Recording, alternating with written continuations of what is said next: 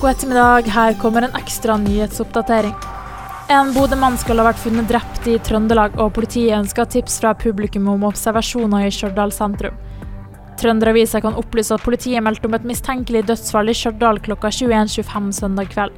Senere samme kveld ble en mann i 50-årene sikta for drap på en jevnaldrende mann. Og til Bodø nå bekrefter påtaleansvarlig Nette Strøm Røsholt at den avdøde mannen har tilknytning til Bodø-området. Mandag formiddag opplyser politiet at de to mennene møttes på Sportsbaren i Stjørdal sentrum. De to skal videre ha dratt hjem til siktede ved stengetid, og politiet ønsker tips fra publikum som kan ha gjort observasjon av siktede og avdøde i løpet av kvelden og natta. Det sier politiadvokat Anette Strøm Røsholt.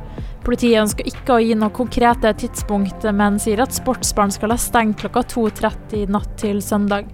Møtet framstår tilfeldig, og politiet er ikke kjent med at de har hatt en relasjon fra før, opplyser Strøm Røsholt. Politiet ønsker heller ikke å gå ut med mer informasjon om hendelsesforløpet på dette tidspunktet, fordi det gjenstår avhør av den siktede mann. Politiadvokaten bekrefter at det er den siktede mannen som bor i boligen den avdøde ble funnet. Hun opplyser også at avdøde er fra Bodø-området, og at han var i Stjørdal i forbindelse med jobb. Advokat for siktede Tore Angen svarte i en SMS mandag morgen at det planlegges avhør av hans klient mandag formiddag. Til Trønderavisa opplyser Agnes at spørsmålet om straffskyld ennå ikke er tema.